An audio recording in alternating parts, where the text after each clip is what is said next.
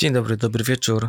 Witam Was w drugim sezonie podcastu Celuloid i Światło. Ja się nazywam Jarek Tokarski i w pierwszym odcinku drugiego sezonu opowiem Wam o reżyserze, który jest jednym z najbardziej kontrowersyjnych, jednym z tych, wokół których toczą się najbardziej zażarte dyskusje, którego się albo kocha, albo nienawidzi. Dzisiaj opowiem o Gasparze Noe.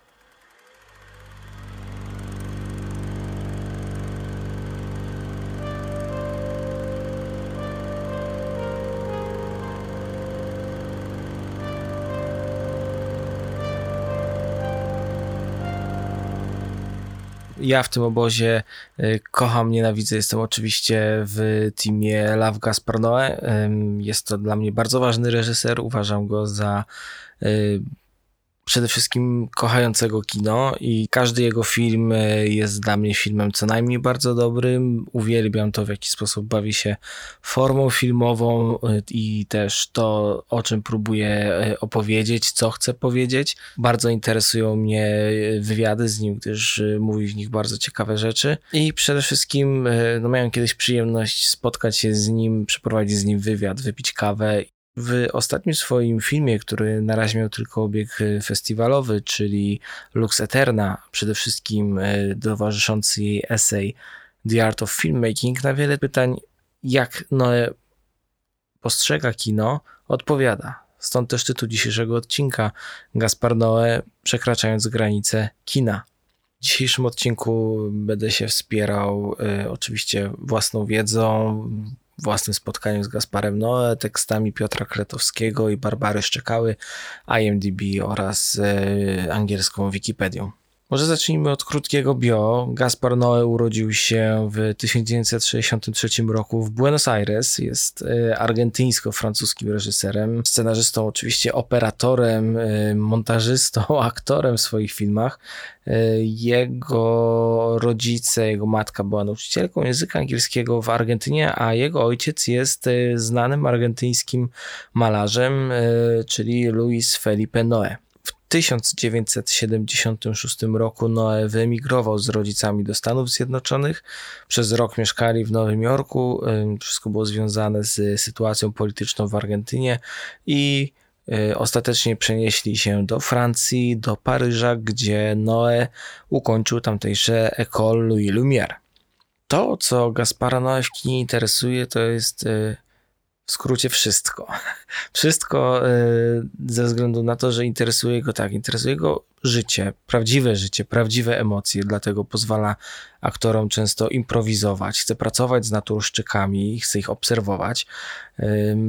Bardzo naturalistyczne jest to kino, zarówno pod względem często. No i tu jest ten właśnie taki trochę dualizm, bo z jednej strony właśnie y, Noe kręci wręcz dokumentalnie, obserwując improwizację, robiąc y, filmy tak jakby na czuja przede wszystkim, y, a z drugiej strony zawsze ta praca kamery jest przemyślana, zawsze w jakiś sposób przemyślany jest montaż, forma filmowa jest tam po prostu wyciągnięta do granic możliwości, więc, y, więc już to jest dla mnie zawsze fascynujące u Gaspara Noe, że w tych swoich filmach szczególnie teraz, kiedy ma już taką wielką swobodę twórczą, y, łączy naprawdę przemyślane użycie y, ruchu kamery, montażu, formy z jak najbardziej wręcz dokumentalnym y, spojrzeniem na bohaterów.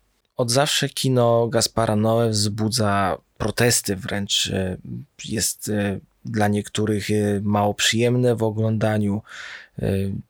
Mówi się o przerażeniu w czasie oglądania, o obrzydzeniu, przede wszystkim w nieodwracalne, albo czując obrzydzenie, nie wiadomo czemu, e, oglądając naturalistyczne sceny seksu w Love. Kino Gasparanoe, szczególnie jego pierwsze filmy, to było kino, które wręcz odrzucało.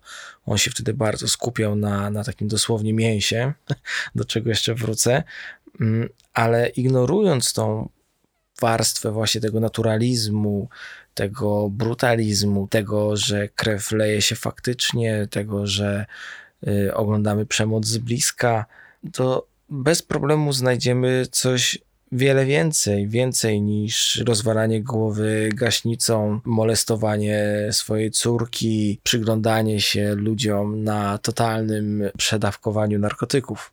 Co jest jeszcze ciekawe, oprócz filmów fabularnych, no oczywiście realizował e, reklamy Yves Saint Laurent na przykład. Teraz jedna jest bardzo świeża, jedna z około chyba 2002 roku.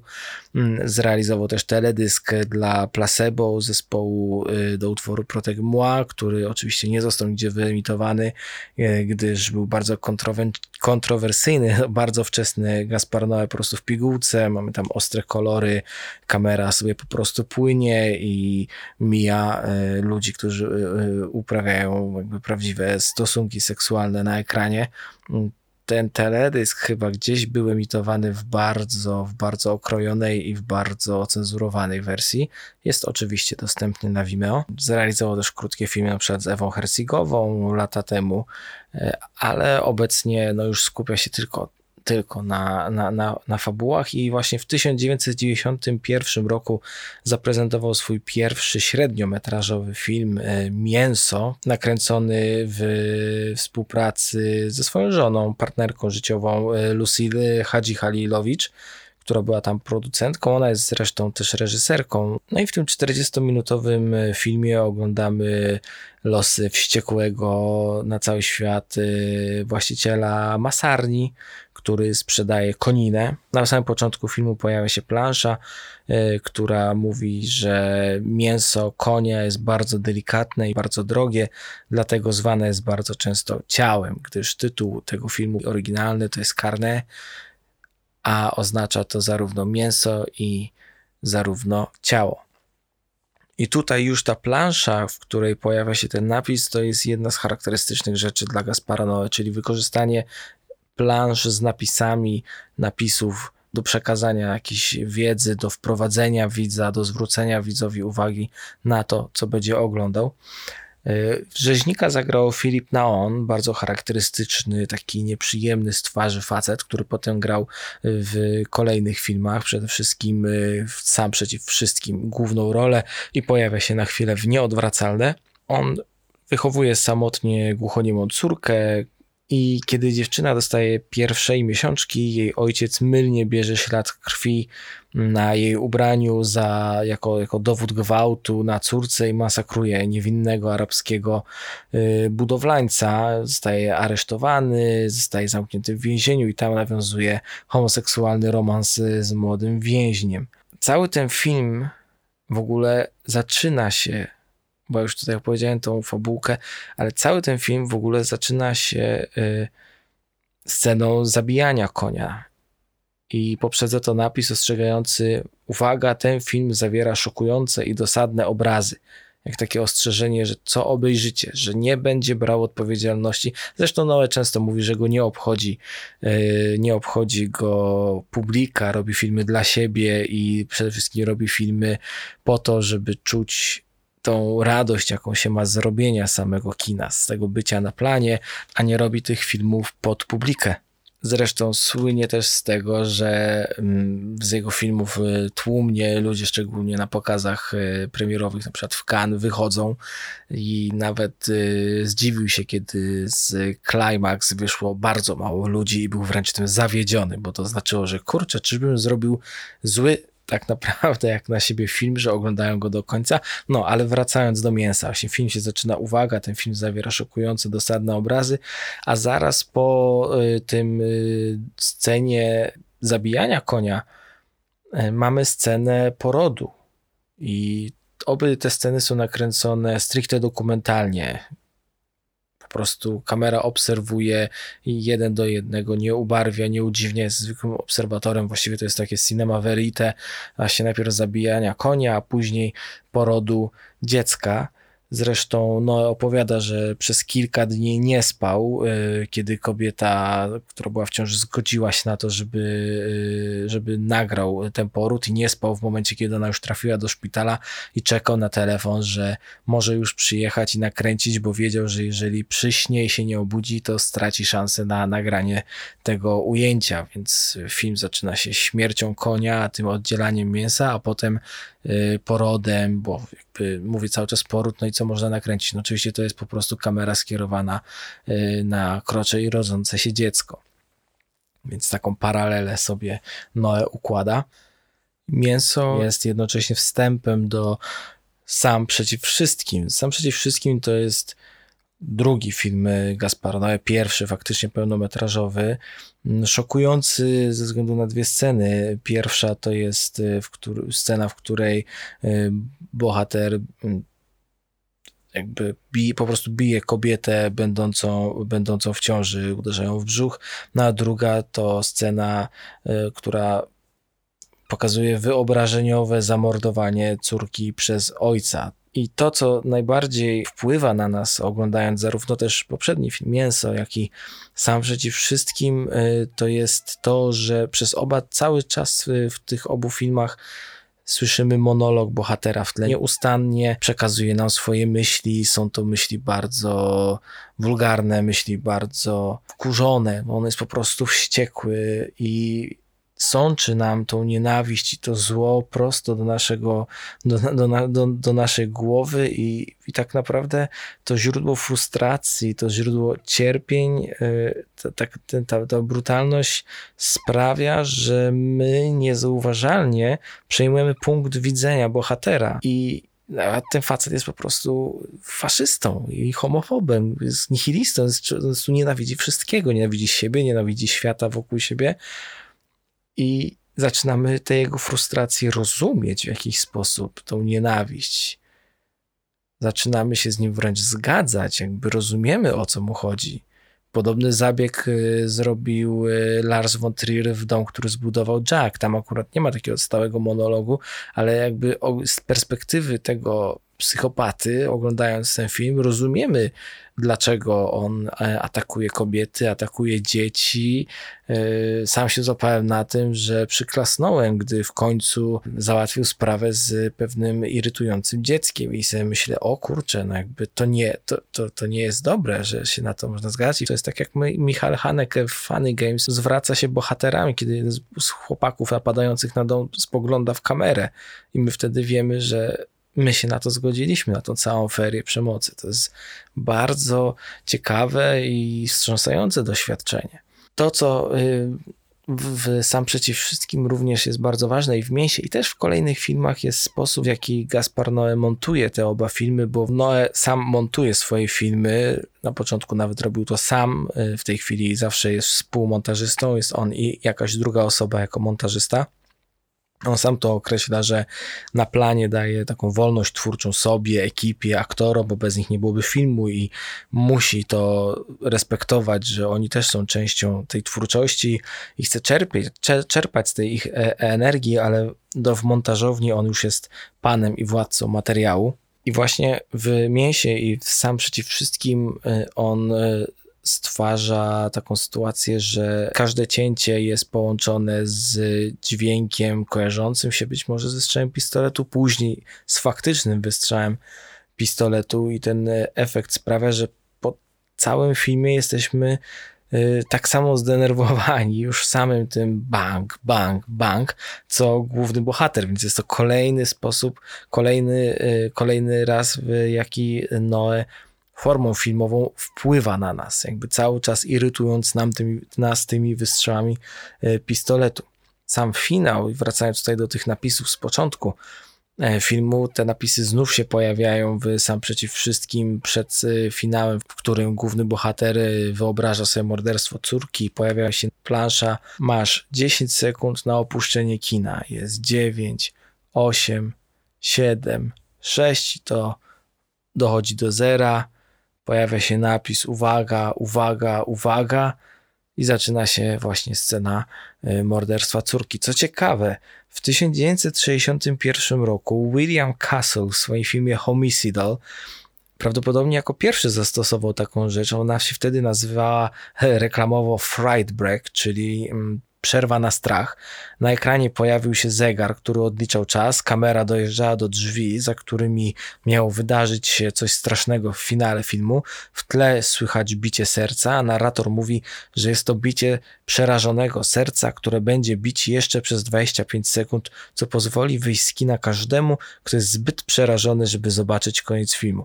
No i ci, którzy w ogóle wyszli, byli kierowani do tak zwanego Cowards Corner, gdzie dostawali zwrot pieniędzy za bilet, na udawana pielęgniarka mierzyła im ciśnienie. Ale wracając do Noego, mm, kiedy rozpoczyna się scena tego morderstwa wyobrażeniowego i gwałtu prawdziwego, e, no wcześniej mamy ten napis i później musimy oglądać e, to wszystko. W ogóle Noe podobno scenę gwałtu nakręcił, ale ostatecznej wersji ograniczył ją tylko do ujęcia przedstawiającego y, obsceniczne obmacywanie córki przez ojca na koniec filmu i już tej sceny nie wmontował.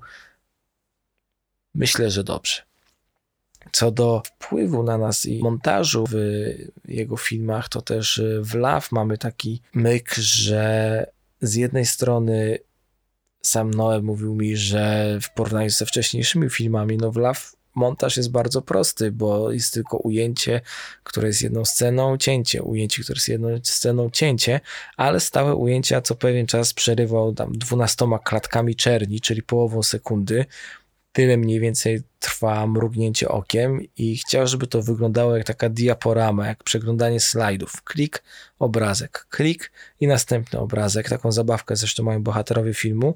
Mm, to nie jest nic nowego, bo tak samo montował Jim Jarmusch w Inaczej niż w raju, gdzie wstawiał sekundę, a nawet dwie sekundy czerni między scenami. Dla Noego zrobienie tych przerw w Love y, to takie zbliżenie się według niego do tego, jak działa nasza pamięć, czyli zamykamy oczy, otwieramy, przypominamy sobie coś innego i płyniemy pomiędzy kolejnymi scenami. Trochę się tak rozkojarzam, dorzucam dygresję co chwilę z tego filmu, z tamtego filmu, próbując iść po kolei, no ale inaczej się nie da, bo jeżeli na coś wpadam, no to wolę to dopowiedzieć niż, niż potem próbować gdzieś znowu wracać do albo narracja, albo montaż, więc pozwólcie, że będę dalej tak płynął z prądem. E, przełomowy w twórczości e, Gaspara Noe był jego kolejny film, e, czyli Nieodwracalny z 2002 roku z Moniką Bellucci, Vincentem Casselem, z niesłynną sceną gwałtu w tunelu, trwającą ponad 11 minut, nakręconą jednym ujęciem, ale to jest coś, o czym po prostu tabloidowo się zawsze przy tym filmie wspomina, a ten film ma wiele innych ważnych scen y, i też motywów, którymi Noe próbuje właśnie wpłynąć na widza. Już w odcinku o dźwięku w filmie wspominałem o tym, że przez pierwsze 30 minut tego filmu słyszymy szum o częstotliwości około 28 Hz, prawie niesłyszalny. To jest właśnie ten szum wytwarzany przez trzęsienie ziemi może spowodować u ludzi nudności, zawroty głowy i był to powód, z którego ludzie wychodzili z kina w, na samym początku filmu. No i on został dodany właśnie po to, żeby tą reakcję usłyszeć. Ja obejrzałem kiedyś, miałem szczęście na Nowych Horyzontach zobaczyć Nieodwracalne i to faktycznie jest odczuwalne, bo nie dość, że słyszymy nie słyszymy, ale jakby słyszymy ten y, niskiej częstotliwości dźwięk, to jeszcze jesteśmy steroryzowani tym ruchem kamery, która wiruje po wejściu do korytarzy klubu Rektum i co chwilę pokazuje nam jakiś mężczyzn, którzy robią sobie krzywdę, bądź uprawiają seks, bądź po prostu stoją, ale oni się pojawiają z nienacka. W tle jeszcze jest muzyka Tomasa Bangaltera,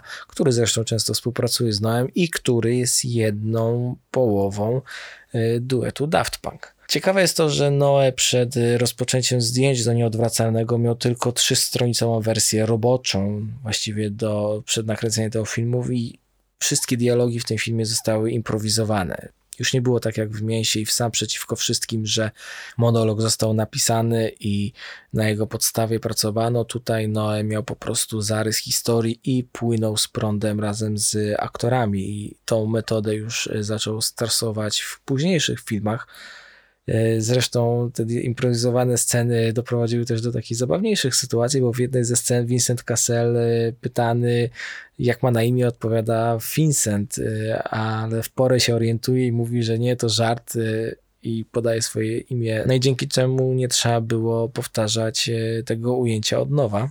Sam film w ogóle rozpoczyna się sceną rozmowy dwóch starszych mężczyzn. Jeden zwierza się drugiemu, że właśnie wyszedł z więzienia, gdzie odsiadywał karę za zgwałcenie własnej córki. I ten drugi mężczyzna odpowiada mu, że no to może być jednak coś wspaniałego, nie liczą się konsekwencje, liczy się tylko momentalna przyjemność. I w tym momencie rozpoznajemy, że jedny z tych y, mężczyzn jest nasz bohater sam przeciwko wszystkim, ale scenę przerywają już policyjne syreny, które słychać za oknem. Kamera wyjeżdża przez okno, pokazuje policję i pogotowie ratunkowe wyciąganego jakiegoś zmasakrowanego mężczyznę i wchodzimy do klubu Rektum, gdzie poznajemy już głównych bohaterów filmu, którzy jak się okazuje dokonali właśnie makabrycznego zabójstwa, bo zabili mężczyznę gaśnicą, rozwalając mu głowę. To, z czego też nieodwracalne przede wszystkim słynie, to jest zastosowanie takiego chwytu montażowo-narracyjnego, kojarzonego też trochę z Memento Christophera Nolana, gdzie pierwsza scena filmu jest chronologicznie ostatnią, a finałowa scena filmu jest chronologicznie pierwszą, gdzie ostatnia scena, czyli ta chronologicznie piękna, jest kompletnym odwróceniem tego, co oglądamy przez cały film, bo widzimy w nim leżącą na zielonej trawie przepiękną, wyjętą jakby z obrazu Monikę Bellucci, jeszcze nieświadomą losu, jaki ją czeka. I pojawia się napis czas niszczy wszystko, kamera wiruje. Znów Noe używa formy filmowej do zdezorientowania, do wprowadzenia widza w pewien stan. E, sama Bellucci o tym filmie mówiła, że to jest połączenie mechanicznej pomarańczy i Salo. Odniesień do Kubricka w nieodwracalne jest zresztą sporo i zresztą no jako kinoman wciska do swoich filmów bardzo dużo. W Law przecież głównym bohaterem jest e, kinoman, taki wannabe filmowiec. W kontekście tego kinomaństwa Noe powiedział mi kiedy mi, mi, że kino go karmi. Kino mnie karmi zarówno fizycznie, pozwalając zarabiać na życie, ale przede wszystkim intelektualnie. Kocham oglądać dobre filmy fabularne, dobre dokumenty. Bardzo dużo o tych dokumentach też mówił, że jest to dla niego bardzo ważna forma, że sam by chciał może kiedyś zrobić dokument. No i to, że no jest takim kinomanem, no też na przykład, nie wiem, początek Climax, gdzie oglądamy wywiady z bohaterami, a w oku telewizora, z którego te wywiady są emitowane, stoją książki i filmy, i tam są kasety też, tam jest y, zarówno Possession, Opętanie Żuławskiego, Suspiria.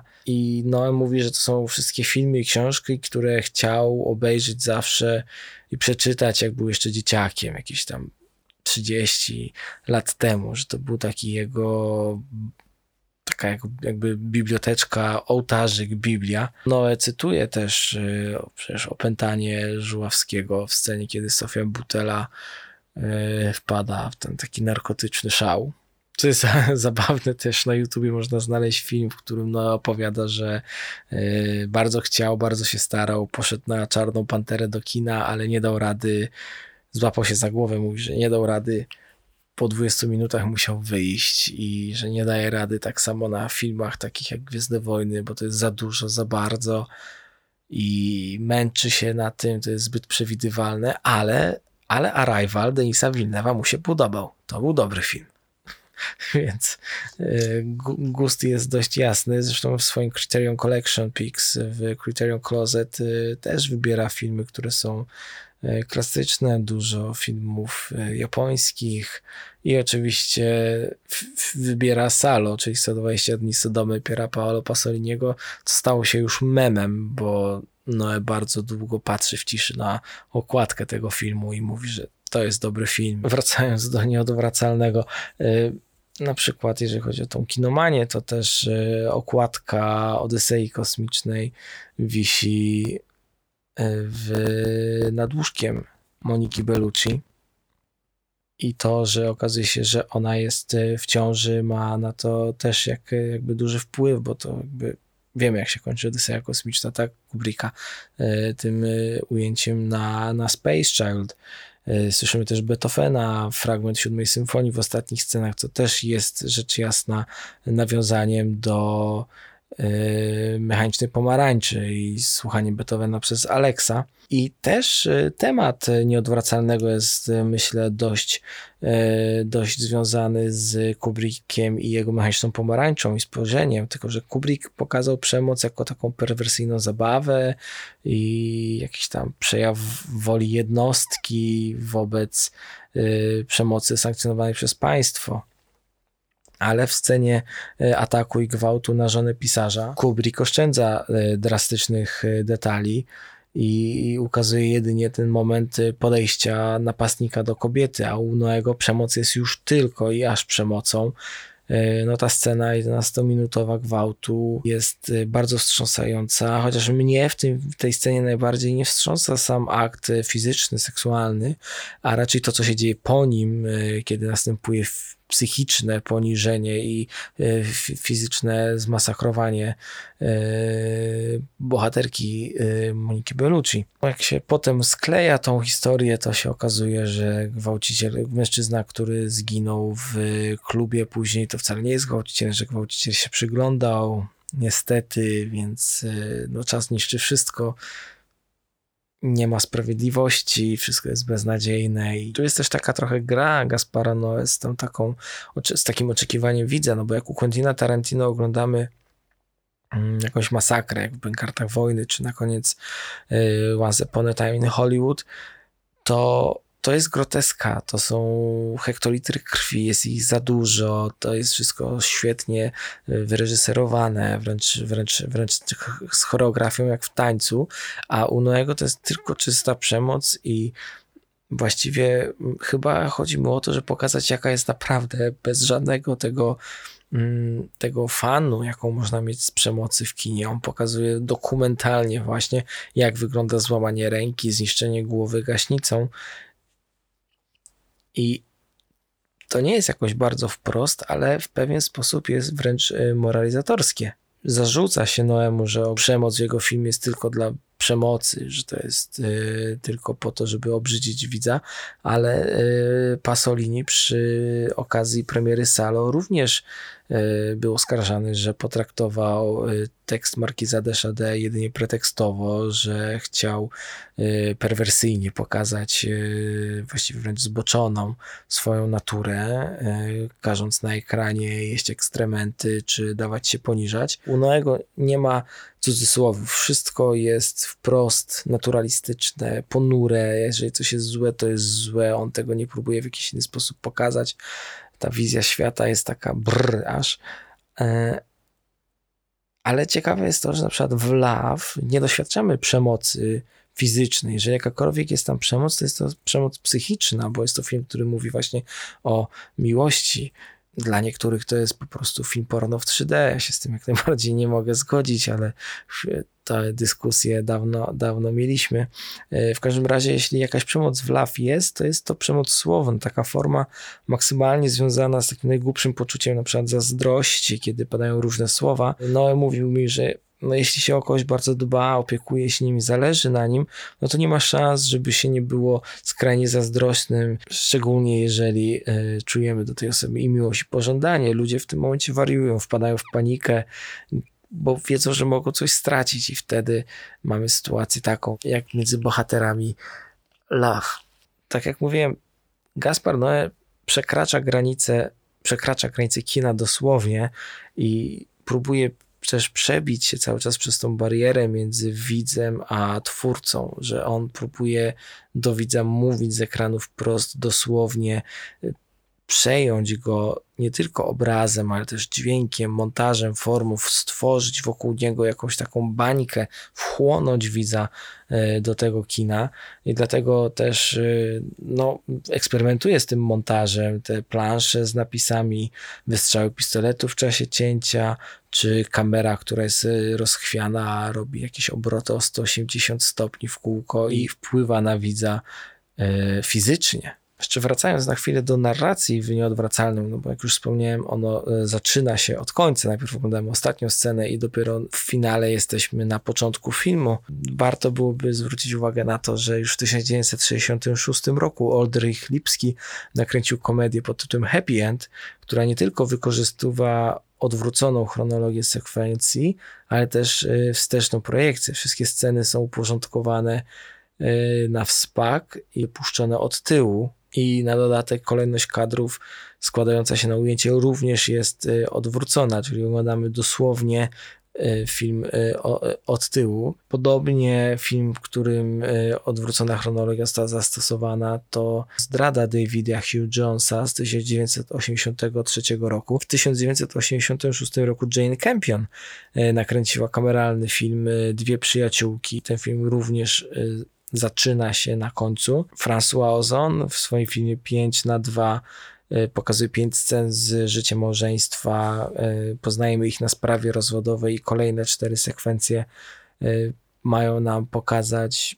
co, co poszło nie tak w tym, w tym gorącym uczuciu. Dowiadujemy się o kolejnych zdradach, o zaniedbaniach, widzimy też wesele i początek romansu. Mamy też polski film, który jakby ma wsteczną chronologię. To jest Matka Teresa od kotów Pawła Sali. Tutaj wsteczna projekcja ma nam odpowiedzieć na pytanie, dlaczego zabito. No to jest w ogóle film na podstawie znanej historii dwóch chłopców, którzy zabijają swoją matkę i ja o wiele bardziej lubię wersję z serialu Pitbull Patryka Wegi niż e, ten film Pawła Sali, ale zastosowanie wstecznej chronologii jest bardzo ciekawym zabiegiem w tym filmie. Nieodwracalne w ogóle zostało nakręcone porządku chronologicznym, ze względu na tę improwizację i rozwój wydarzeń, jak mniemam, e, było to bardzo ważne. Mm, także w Love Gaspar Noé bawi się kolejnością zdarzeń. E, trochę jak Julio Cortázar w grze w klasy. Te sceny można poprzestawiać i historia przedstawiona widzowi zawsze będzie pozornie inna i nie ma żadnych zasad wobec czasu, ale co ciekawe, kiedy spytałem Gaspara Noé, czy może się inspirował Cortazarem odpowiedział, że ta pół książka stała na półce jego rodziców, ale nigdy jej nie przeczytał, więc okej. Okay.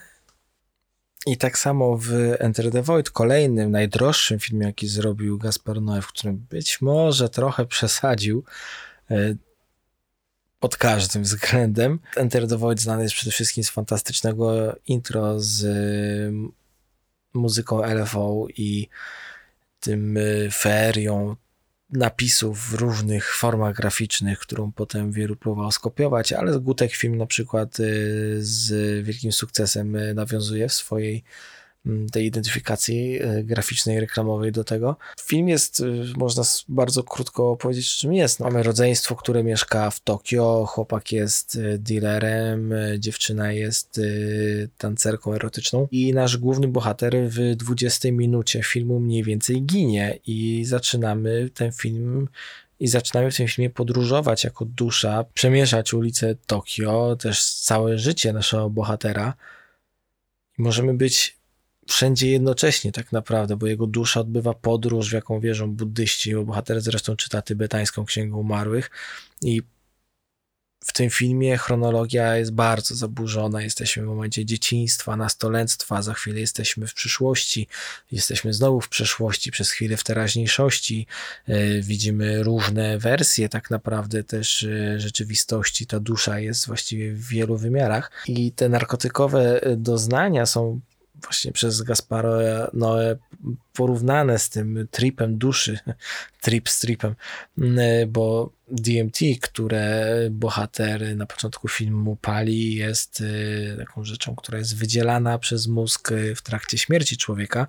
No i ta chronologia w ten sposób y, zaburzona też pozwala nam na bardzo personalny i własny odbiór filmu. To musimy jednak zapamiętać, co, gdzie, kiedy było, odnieść się emocjonalnie do każdej sceny sami. Jak mówiłem, najdroższy i najbardziej skomplikowany film Noego. Tam jest całe miasto wygenerowane komputerowo, czego nie widać. Właściwie przez cały film miałem wrażenie, jak oglądałem go premierowo, że to jest jakaś fantastyczna praca kamery, jak e, w filmie Angst, do którego zresztą Noe często się odwołuje, tym, gdzie te ruchy kranów i ujęcia z góry są fantastyczne. Zresztą Angst, e, operatorem, e, autorem zdjęć do Angst był Zbigniew Rybczyński. Sam Noe, no myślę, że długo do takiego typu pracy nie wróci. On sam wspominał, że chciałby zrobić wysokobudżetowy film, ale na zasadzie mm, nie takiej jak Enter the Void, tylko na zasadzie, że setki statystów i tak dalej, i tak dalej.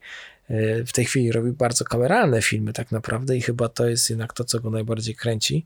Mm, taka ciekawostka też, myślę, e, że film zaczyna się napisami, tym, o których już wspominałem i napisem Enter, Potem trwa cały film i widzimy napis The Void i podobnie zrobiła Jagoda Szelc w Wieży Jasnych Dzień, gdzie na początku filmu mamy napis Wieża, trwa film i na sam koniec napis Jasny Dzień. Wiele osób uznało to za genialną rzecz, no okej, okay. Może nie widzieli Enter the Void, może na pewno. Jak już wspominałem, Noe też uwielbia pracować z naturszczykami i na przykład w LAF oprócz Karla Grusmana nie ma żadnego zawodowego aktora, a Omi Mujok nigdy wcześniej nie grała w filmie. Clara Christine jest modelką, a nie aktorką i Noe mówił, że uwielbia pracę z aktorszczykami, bo są często charyzmatyczni, intrygujący i wtedy go nie obchodzi, czy ktoś kończył jakąś szkołę, czy gdzieś występował. Na do Love, które opowiada no właśnie o miłości i pożądaniu, e, przede wszystkim potrzebował nieznanych aktorów, bo uznał, że to da lepszy efekt. Cały film właściwie jest realizowany na zbliżeniach, więc zależało mu, żeby twarze były najpiękniejsze jak się tylko da żeby Aomi stała się swego rodzaju ikoną, nie tylko dla mężczyzn. No i faktycznie za każdym razem, kiedy Karl Glusman, filmowy Murphy, patrzy w kamerę, to spojrzenie się czuje e, na ca, ca, no całkowicie, ono nami, na, nami zawłada. I Gasparowi właśnie o to chodziło, żeby i on, i też bohaterki Aomi i Klary stali się dla widza obiektem pożądania, więc Tutaj mamy taką formę tego wejścia widza, zawładnięcia nim, czyli aktorzy, aktorki, którzy wywołają po, pożądanie w widzu. No i faktycznie, bo dla innych osób to Karl jest taką najbardziej wzbudzającą pożądanie osobą w filmie, dla innych Aomi, dla innych Klara, bo mogą też e, uruchomić w nas jakieś e, miłosne wspomnienia, jakieś historie, które być może też nas prześladują. W Climaxie również y, nie grają praktycznie żadni zawodowi aktorzy oprócz Sofii Buteli. Niektórzy tancerze po prostu zahipnotyzowali Kaspara Noe, kiedy był na turniejach tanecznych, na jakichś spotkaniach. się okazuje, że stał się wielkim fanem voguingu i krampu, czyli dwóch tak, faktycznie najbardziej widowiskowych obecnie form ekspresji w tańcu i Noe mówi, że żeby zrobić udany film trzeba kochać ludzi, których się kręci, więc wiedział, że musi mieć tych tancerzy wybranych nie pod względem osiągnięć, tylko pod względem tego, co będzie czuł, kiedy będzie ich oglądał więc zresztą angaż Sofii Buteli to też była forma e, ryzyka, no bo ona była dopiero początkującą aktorką, ona jest przede wszystkim tancerką, a dopiero potem zaczęła parać się aktorstwem. I jak już mówiłem, no, Noe mówi, że żeby zrobić dobry film trzeba kochać ludzi, których się filmuje i im więcej widział też tancerzy, tym więcej chciał ich w swoim filmie, dlatego ich jest tak dużo i to jest chyba twórca, który ma też farta, że współpracuje z producentami, którzy dają mu ogromny kredyt zaufania. Przy Climaxie powiedzieli mu, że no jedyne co, to podejmą ryzyko, jeżeli zmieści się w dwóch milionach euro i przez 15 dni zrobili cały film. Film w większości zaimprowizowany na planie, podobnie jak ruchy kamerą. E, zresztą Noe był sam operatorem E, sam operatorem w Climaxie. Benoit Deby, jego e, współpracownik, operator, e, świetny, świetny autor zdjęć, który współpracuje też z Harmony Corinem. Właśnie to on robi te takie wspaniałe fluorescencyjne kolory. W Climaxie tylko zajmował się oświetleniem, a to Noe, tak jak zresztą też w Nieodwracalnym, biegał z kamerą za tancerzami. Bo ważne dla niego jest to, że w scenach, w których nie, chcesz, nie chcemy mieć cięć, a on takich, takich nie chciał, żeby nie przycinać tego tańca, żeby był naturalny, prawdziwy, a nie właśnie wyglądający na zmontowany z 20-30 take'ów, to ważne jest, żeby stworzyć energię i żeby tą energię stworzyć nie można zrobić przerw, więc jest się w jednej sytuacji przez ileś lat, minut, bo za każdym razem, jeśli zdecyduje się na cięcie, no to coś się zmieni. Jeżeli zrobi to cięcie, to za chwilę ktoś będzie chciał zmienić światło na planie, poprawić albo poprawić make-up, to zawsze psuje tą energię, którą właśnie dzięki temu na przykład w filmie Climax przede wszystkim mamy na ekranie. Tam po prostu wręcz dokumentalnie wchodzimy w sytuację, w której wszyscy, którzy przesadzili przez przypadek, oczywiście z narkotykami, gdyż zostały im bez ich wiedzy podane, y, zaczynają wpadać w jakieś szaleństwo i to nie są sceny, które są ustawione. Przecież druga połowa filmu jest praktycznie bez żadnego cięcia. Kamera płynie od człowieka do człowieka i dzieją się niesamowite rzeczy. I w klimaksie znowu, w połowie filmu pojawiają się przecież napisy dopiero początkowo-końcowe, tak? Dopiero pojawiają się y, napisy, kto zrobił zdjęcia, scenariusz, muzykę, choreografię i tak dalej, i tak dalej. To jest dopiero w połowie, po tej takiej luźniejszej, tanecznej, a przed tym strasznym finałem. Te sceny taneczne wprowadzają widza właśnie w ten taki bardzo fajny klimat, w ten taki poczucie, takie poczucie zabawy, i nagle to wszystko się urywa, zaczyna się jakiś bad trip, jakby zaczynamy mieć zjazd, dosłownie tak jakbyśmy też wzięli te narkotyki, które biorą przez przypadek, powtarzam, bohaterowie i jest to też kolejna forma, e, w, jako, w, jakiej Noe próbuje wyjść do widza, przekroczyć tą granicę kina i wyjść do widza. I pytanie jest, dlaczego on to robi, po co on to robi? I myślę, że odpowiedzią na to pytanie w swoim ostatnim y, filmie, czyli właśnie Lux Eterna, który jest połączony z esejem Art of Filmmaking. To jest takie podsumowanie wszystkiego. Zresztą Art of Filmmaking zaczyna się planszą y, z pod tytułem y, An Essay by Gaspar Noé. Art of Filmmaking to jest taki bardzo dziwny esej, trochę w formie tego, co na przykład ogląda się jako eseje filmowe na YouTubie, ale to jest esej zrobiony w stylu Gaspara Noe, bo przez y, kilkanaście minut oglądamy fragmenty filmu Król Królów z 1927 roku w reżyserii Cecilia Demila. Są sceny pasji Chrystusa od y, modlitwy właśnie w Ogrójcu do ukrzyżowania i zmartwychwstania, tylko że całość jest nam podana w stroboskopowych światłach, po prostu migocząc non-stop i z jakimś dźwiękiem piszczącym, e, więc jest to bardzo wymagający seans, właściwie hipnotyzujący. Mm, pewnie odpowiedzią na pytanie, po co jest cytat z Dostojewskiego, który poprzedza film, a mianowicie nie możesz sobie wyobrazić najwyższego szczęścia, jakie odczuwa epileptyk w chwilach poprzedzających atak. Oddałbym chyba całe swoje życie w zamian za kilka sekund tego szczęścia. Więc y, okej, okay. powiedzmy, że jest to jakieś e, dziwne, ukryte pragnienie. Jeżeli chorujemy, to jak najbardziej nie polecam nawet włączenia fragmentu, ale oglądając to faktycznie wprowadzamy się w pewien stan, no bo te błyskające stroboskopowe światła i potem zmieniające też kolor pozwalają nam w taki dziwny, mm, jakby faktycznie od, odrealniający, odklejony od rzeczywistości sposób przeżywać ten fragment filmu.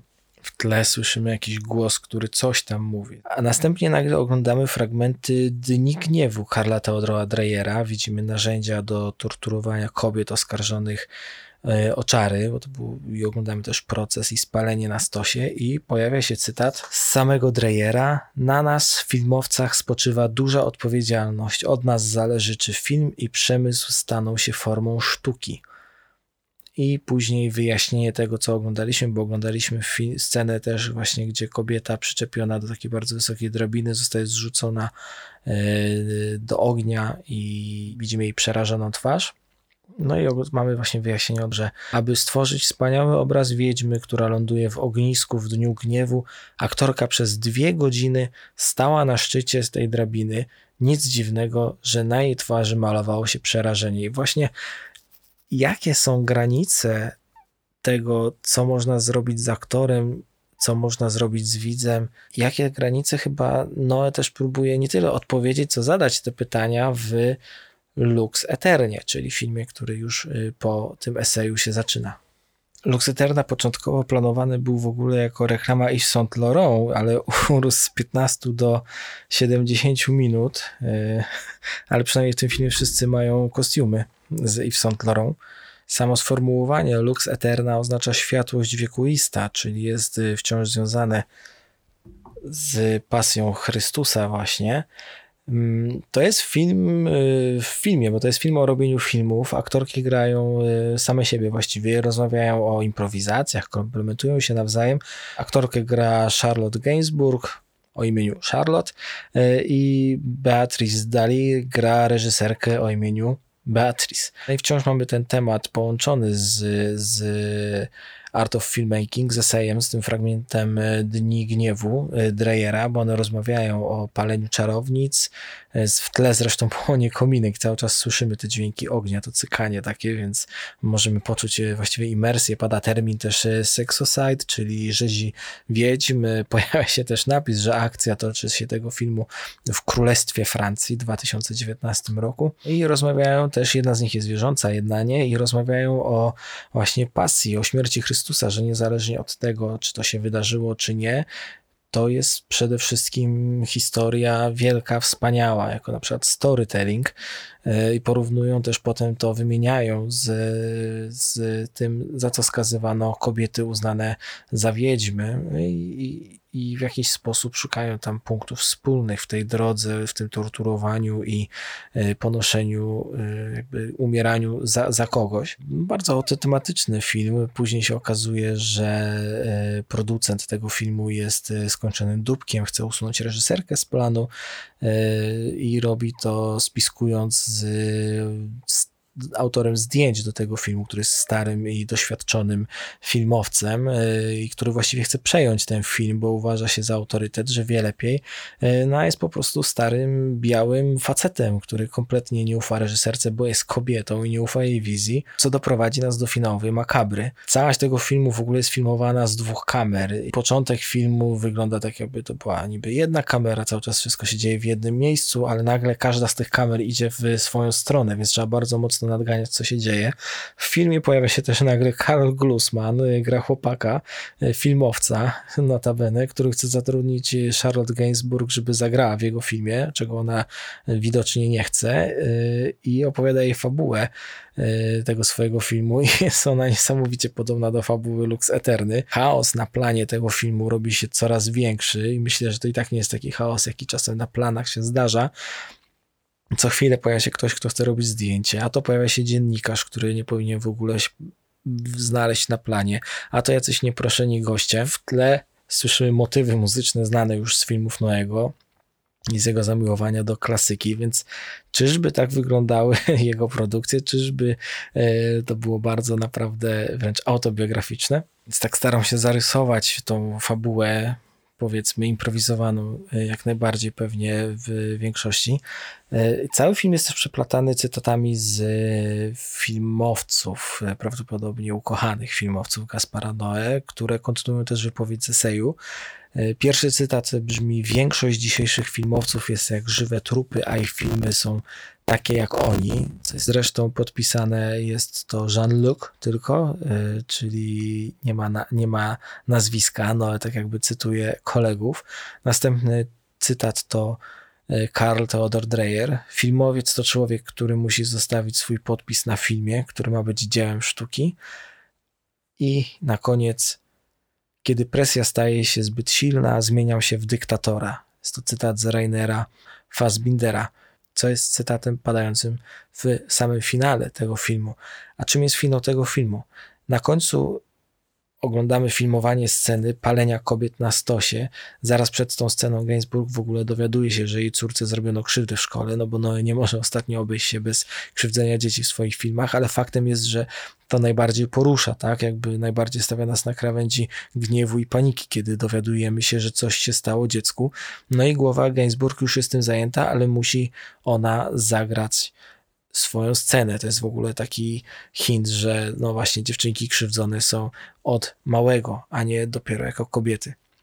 W każdym razie pada akcja i zaczyna się makabryczny finał, bo psują się ekrany LEDowe, które były scenografią, które miały wyświetlać tło przed postawionymi na stosie aktorkami. Te ekrany zaczynają mrugać stroboskopowo, robi się chaos, jakiś pisk w tle. Reżyserka chce skończyć, krzyczy cięcie, chce przerwać nagrywanie, nie chce dręczyć aktorek, ale operator, autor zdjęć, ten stary facet torturuje, dosłownie pali na stosie te aktorki w imię sztuki. On się zachwyca, krzyczy, że to wspaniałe dzieło, że to piękne, nie zważając na to, że bohaterka y, Charlotte Gainsbourg krzyczy z bólu i nie chce już tam być. W ogóle te trzy stosy są ustawione jak trzy krzyże y, na Golgocie w samym środku, właśnie cierpiąca za wszystkich y, jak Jezus, Charlotte Gainsbourg. Wydaje mi się, że Noe też tutaj tutaj powiedzieć, że kobiety i ich ofiara są jaśnie jak ofiara Chrystusa. Zresztą ten stos, potem mamy wyciemnienie ekranu i widzimy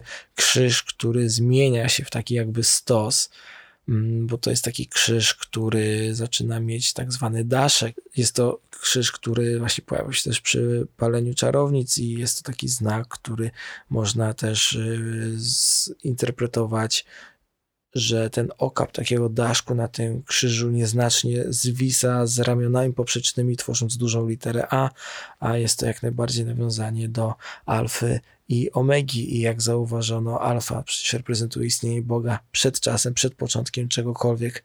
Y, tą nie, niepojętą koncepcję, a pominięcie omegi już potem z takiego krzyża to jest y, przypomnienie, że koniec jest jeszcze przed nami, czyli niezależnie od tego, czy jesteśmy martwi, czy żywi, y, nadal jesteśmy w jakiejś tam y, historii i tak samo chyba to palenie czarownic, no ja próbuję porównać do poświęcenia się, jakie, jakiego dokonał na krzyżu Chrystus. Tak więc Noe zadaje pytanie, jak dużo można zrobić dla sztuki, wcześniej pokazał nam tą kobietę z Dni Gniewu Karla Teodora Dreyera, która przez dwie godziny właśnie siedziała na tej drabinie, została z niej zrzucona, żeby nagrać faktyczne przerażenie. Tutaj mamy krzyczącą z bólu Charlotte Gainsbourg, którą ten stary reżyser filmuje, bo nie chce tego przerwać, chce mieć prawdziwe emocje, reżyserka chce przerwać.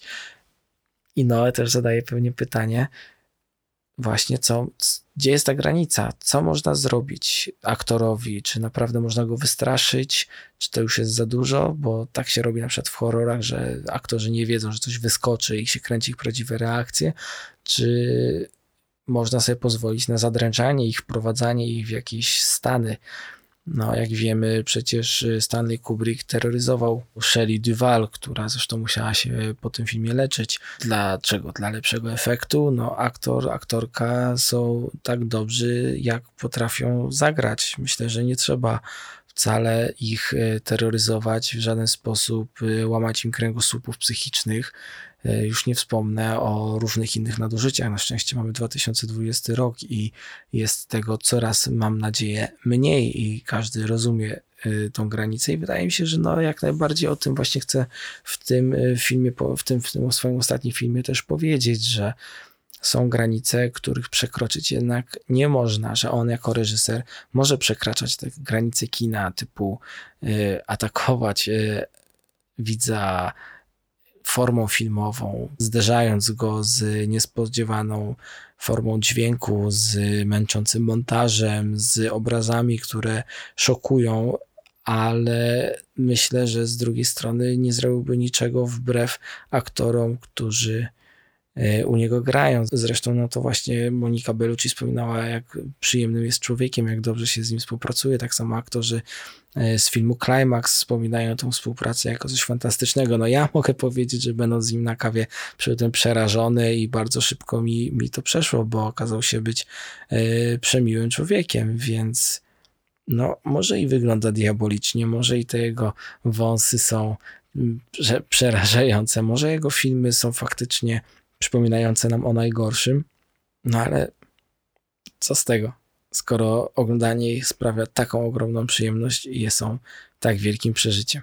Można by jeszcze o Noe mówić w bardzo wielu kontekstach, czy w kontekstach popkulturowych, czy samej muzyce, w filmach Noego, o wszystkim, o wszystkim, o wszystkim. Ja zdecydowałem się tylko na ten mały fragment, ten mały wycinek o Noem. Mam nadzieję, że zachęciłem Was do obejrzenia tych filmów, jeżeli ich nie widzieliście, mm, do spojrzenia trochę inaczej właśnie na to, w jaki sposób Noe, e, mimo że przekracza e, te granice klasycznego kina stylu zerowego w formie filmowej, a jednocześnie pozwala sobie na improwizację, dokumentalną formę i obserwację, e, obserwację świata mm, że to jest coś, co, co pozwala odebrać te filmy trochę inaczej jest e, szalenie ciekawe. Bardzo Wam dziękuję. Witam jeszcze raz w drugim sezonie i mogę obiecać, że w tym drugim sezonie będzie się działo, bo Mam już zaplanowanych kilka odcinków, ale również w tym sezonie będą ze mną goście, więc no ja już sam nie mogę się doczekać i do usłyszenia.